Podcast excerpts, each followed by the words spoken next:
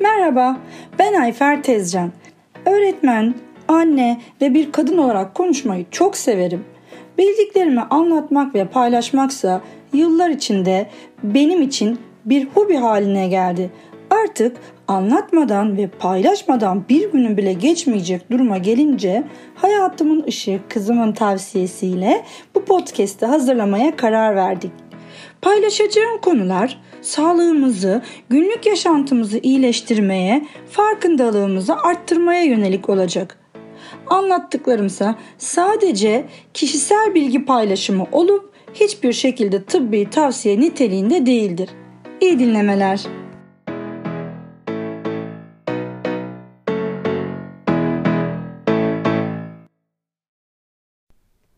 Tanrı'nın nefesi yani ozon gazı. Merhaba. Dinsel literatürlerde Tanrı'nın nefesi olarak isimlendirilen ozon gazı ki ismini çoğumuz duymuş hatta tedavi amaçlı deneyenlerimiz bile olmuştur. Ozona oksijenin kuzeni de diyebiliriz. Almanlar tarafından geliştirilen tıbbi bir tedavi tekniğidir ve yaklaşık 40 yıldır tıpta yeri vardır. Günümüzde de 16 ülkede yasal olarak tıbbi amaçlı olarak kullanılmaktadır. Bizim ülkemizde dahil.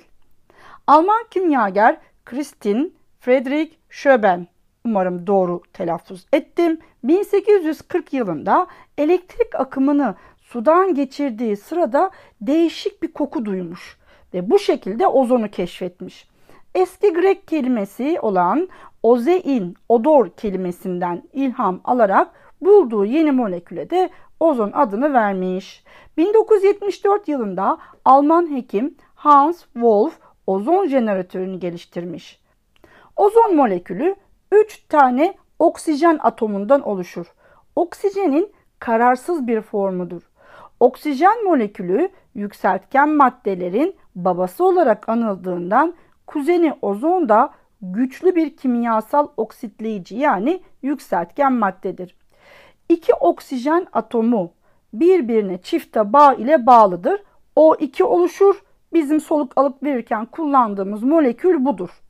Bu moleküle bir oksijen atomu eklendiğinde de pozitif yüklü, kararsız, dengesiz, elektron almaya meyilli, artı yüklü bir serbest radikal oluşur.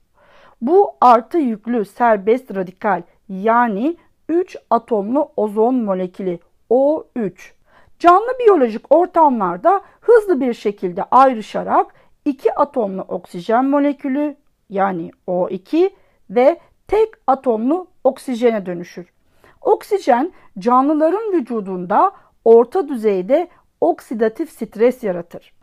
Oksidatif stres denen olaysa kısaca kararsız, dengesiz elektron gruplarının hücrelerde zamanla oluşturduğu geri dönüşümsüz zararlar olarak tanımlanabilir. İşte ozon vücudumuz için anlık oksidatif stres oluşturur. Oluşan bu stres karşısında vücudumuzda oksidatif strese karşı savunma oluşturan antioksidan mekanizmaları devreye girer ve devreye giren bu antioksidan mekanizmalarındaki görev yapan enzimler aktif hale gelmiş olur.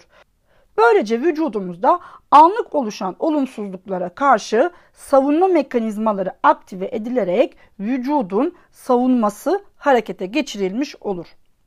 Sonuçta ozonun vücudumuzda yaptığı etki aslında paradoksal bir etkidir. Ozonun canlı vücudunda uygun yoğunlukta kullanılması olumlu etkiler sağlayabilecekken yüksek yoğunlukları vücudumuz için zararlı olacaktır. Gelelim şimdi ozonun nasıl oluştuğuna. Ozon doğada kendi kendine oluşabilir ya da yapay yollarla tıbbi kullanım amaçlı oluşturulabilir. Gelelim doğada nasıl oluştuğuna. Ozon doğada iki yolla oluşur. Bunlardan bir tanesi fırtınalarda oluşan elektrik akımı atmosferdeki iki atomlu bildiğimiz o doğal oksijen molekülünü ikiye ayırır ve tek atomlu oksijen açığa çıkar. Ayrılmış tek atomlu dengesiz, kararsız bu oksijen atomu da gider. İki atomlu oksijene yani O2'ye bağlanır ve böylece 3 oksijen atomlu ozon gazını oluşturmuş olur. Doğadaki bir diğer oluşum yolu güneşten gelen ultraviyole ışınları atmosferin stratosfer tabakasındaki iki atomlu bildiğimiz oksijen moleküllerinde elektrik akımı oluşturur. Elektrik akımının ayrıştırdığı oksijen moleküllerinden yani O2'den açığa çıkan tek oksijen atomları da gider. İki atomlu oksijenle birleşip yine 3 atomlu ozon molekülünü oluşturur. Böylece atmosferde güneşten salınan ultraviyole ışınlarının oluşturduğu zararlı radyasyon salınımını absorbe eden emen ozon tabakası oluşur. Ozon tabakasını hepimiz duymuşuzdur. Son 30 yılın en çok konuşulan çevre sorunlarından biri olarak dünyada artan karbondioksit salınımının atmosferdeki ozon tabakasını incelttiğini biliyoruz. Hatta bazı bölgelerde ozon tabakasının yok olmasından dolayı dünyaya ulaşan zararlı radyasyonun arttığını da bilim dünyası açıkladı. Dünyamız ve dolayısıyla da üzerinde yaşayan tüm canlılar için son derece olumsuz bir sonuç bu. Ama tabii ki konumuz bu değil. Şimdi ozonun doğal olmayan yollardan üretimine gelelim. Ozonun doğal olmayan yollardan yani tıbbi amaçlar için kullanılmak üzere üretimi 3 şekilde olur. İlki ultraviyole sistem adını alır. Düşük yoğunlukta üretilir. Özellikle ozon saunalarda ve hava temizleme sistemlerinde kullanılır. Diğeri korona salınım sistemi denilen ve yüksek yoğunluklu ozon üretmek için kullanılan bir yöntemdir. Koronalar karışmasın. Üçüncü yöntem ise soğuk plazma sistemi denilen bir yöntemdir ve çok kolay üretilen, çok kolaylıkla kontrolü yapılabilen, daha çok hava ve su temizliğinde kullanılan bir yöntemdir. Doğal olmayan yollardan ozon üretiminin teknik detayları bizim konumuz olmadığından bundan bahsetmeyeceğim. Bizim için gereken kontrollü olarak oluşturulan ozon gazının sağlık açısından kullanım alanlarının neler olduğunu bilmek. Yani işimize nasıl yarayacağını bilmek. Saf ozon molekülü tıpta tek başına kullanılmaz. Farklı kullanım şekillerine göre ozon yoğunluğu 1 ve 100 mg bölü mililitre arasında değişir. Tıbbi tedavilerde kullanılan ozon, medikal ozon jeneratörlerinde saf oksijen molekülünden yani O2'den üretilir. Oluşan ozon daima oksijen molekülüyle yani O2 ile karıştırılıp kullanılır. Tedavi amaçlı kullanılan medikal ozon %5 ozon yani O3 ve %95 oksijen molekülünden yani O2'den oluşur. Ya da bazen %3 ozon, %97 oksijen molekülünden de oluşabilir. Ozonun belirli bir yoğunluğun üzerinde karakteristik bir kokusu vardır. Havayı ve suyu dezenfekte etmek, ayrıca tekstil ve gıda sektöründe beyazlatma işlemleri içinde kullanılmaktadır. Ama her konuştuğumuz konuyu sağlığımızda fark yaratmak için konuştuğumuzdan ozonun da sağlığımız açısından kullanılma yöntemlerinden bahsedeceğiz. Ozonun sağlığımız açısından kullanılma yöntemleri iki şekildedir. Bir tanesi sistemik yöntem dediğimiz yöntemdir. Diğeri ise lokal yöntemdir. Gelelim sistemik yöntemin ne olduğuna. Sistemik yöntemler dediğimizde aklımıza ozonun genellikle kan yolu ile vücuda enjekte edilmesi, verilmesi gelmelidir. Majör ozonlu otohemoterapi sistemik yöntemin en çok kullanılan ve bilinen yöntemidir. Tek kullanımlık özel kapalı sistemle kişiden alınan 50 ila 100 mililitre arasındaki kan ozon jeneratöründe ozonlanır ve kişiye damardan geri verilir. Ozon kan reaksiyonu vücudun dışında oluyor doğal olarak. Bunun için de ozonlanan kan zaman kaybetmeden tekrar kan dolaşımına geri verilmeli. Çünkü kararsız ve dengesiz bir molekül olan ozon bulunduğu ortamın koşullarına da bağlı olarak üretiminden yaklaşık 40 dakika sonra tekrar oksijen molekülü yani O2 ve oksijen atomu O olarak ayrışır. Minör terapi yönteminde ise tek kullanımlık ozona dayanıklı enjektörle kişiden alınan 3-5 mililitre kadar kan ozonlanıp kas içine enjekte edilir, kalça ya da koldan verilir. Diğer bir yöntem olan damar içine doğrudan ozon verilmesinde ise serum fizyolojik ozonlanır ve damardan doğrudan verilir ama bu yöntem yan etkileri olan bir yöntemdir. Sistemik yöntemler genellikle kan yolu ile yapılan tedavileri içerir dedik ama bununla beraber bir de bu yöntemin içinde kan yolu kullanımı dışında bir tedavi şekli daha var. Bu da rektal yoldan yani makattan ozon gazı verilmesi yöntemidir. Daha çok çocuklarda damar yolu açılması sorunlu riskli olan kişilerde kanser hastalarında, karaciğer hastalarında kullanılması tercih edilen bir yöntem. Sistemik yöntem dışındaki diğer yöntemler lokal yöntemler başlığı adıyla karşımıza çıkar. Bu yöntemlerden biri topikal uygulamadır. Yani ozonlanmış ürünlerin krem, yağ, ozonlanmış buhar gibi maddelerin deri üstüne uygulanmasıdır. Lokal yöntemlerden subkutan denilen uygulamada ise ozon ince uçlu iğnelerle cilt altına verilir. Eklem sıvısı içine de e, ozon enjeksiyonu yapılmaktadır. Özellikle diyabetik hastalarda kullanılan bir diğer lokal yöntemse torbolama denen yöntemdir. Diyabetik hastalarda yani şeker hastalarında kapanması güç olan yaralar için kullanılır.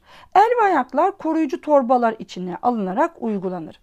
Şimdiye kadar e, genel hatlarıyla ve en yalın hali ile ozonun sağlığımız için kullanılan yöntemlerinden bahsettik.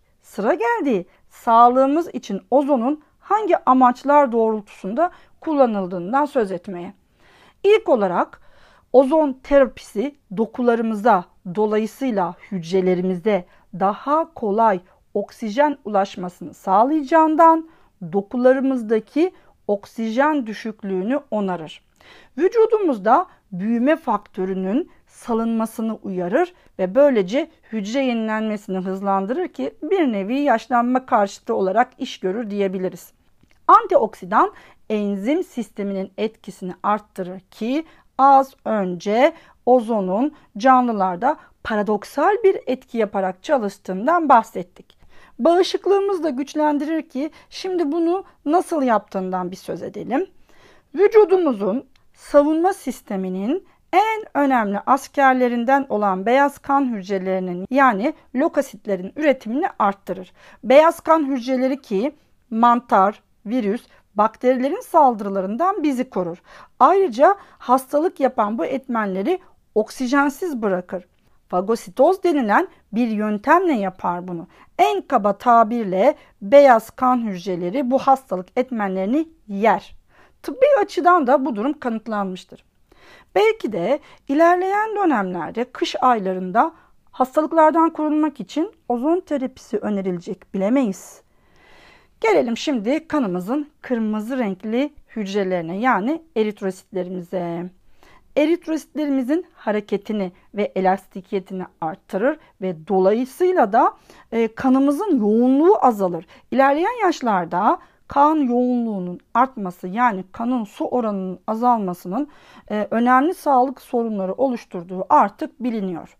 Vücudumuzda interferon denen savunma sisteminin bir parçası olan çok önemli bir molekülün seviyesini arttırır ki bu molekül virüslerin kendisini çoğaltmasını ve dolayısıyla sayısının artmasını engeller. Yapılan araştırmalarda tümör hücrelerinin yani kanser hücrelerinin ölümüne neden olan bir faktörün üretimini uyardığı ve üretimini arttırdığı bulunmuştur. Vücudumuzun aynı zamanda detoks kabiliyetini de arttırır. Romatizmal hastalıklarda ve fibromiyalji tedavisinde destek olarak kullanılır. Diş hekimliğinde de sprey ya da kompres şeklinde kullanılıyor. Kullanım alanlarını daha da yazabiliriz ama amacımız ozonu tanımak ve kullanımı hakkında genel bilgi edinmek olduğundan artık burada bırakmalıyız diye düşünüyorum. Vücutta toksik yani zehir etkisi gösterme riski 1 milyonda 7 olarak belirlenmiş. Yine de zehirlenme belirtisi görülürse E vitamini ve glutatyon verilerek tedavi ediliyor. Bazen ozon tedavisi sonrasında iyileşme krizleri denen durumlar ortaya çıkabiliyor ve bunlar 3 gün kadar sürebiliyor. Bulantı, kusma, baş ağrısı, uykusuzluk, halsizlik, ishal, cilt döküntüleri iyileşme krizleri arasında sayılabilir. Bol oksijenli günlerde sağlıkla kalın, sağlık aşkına.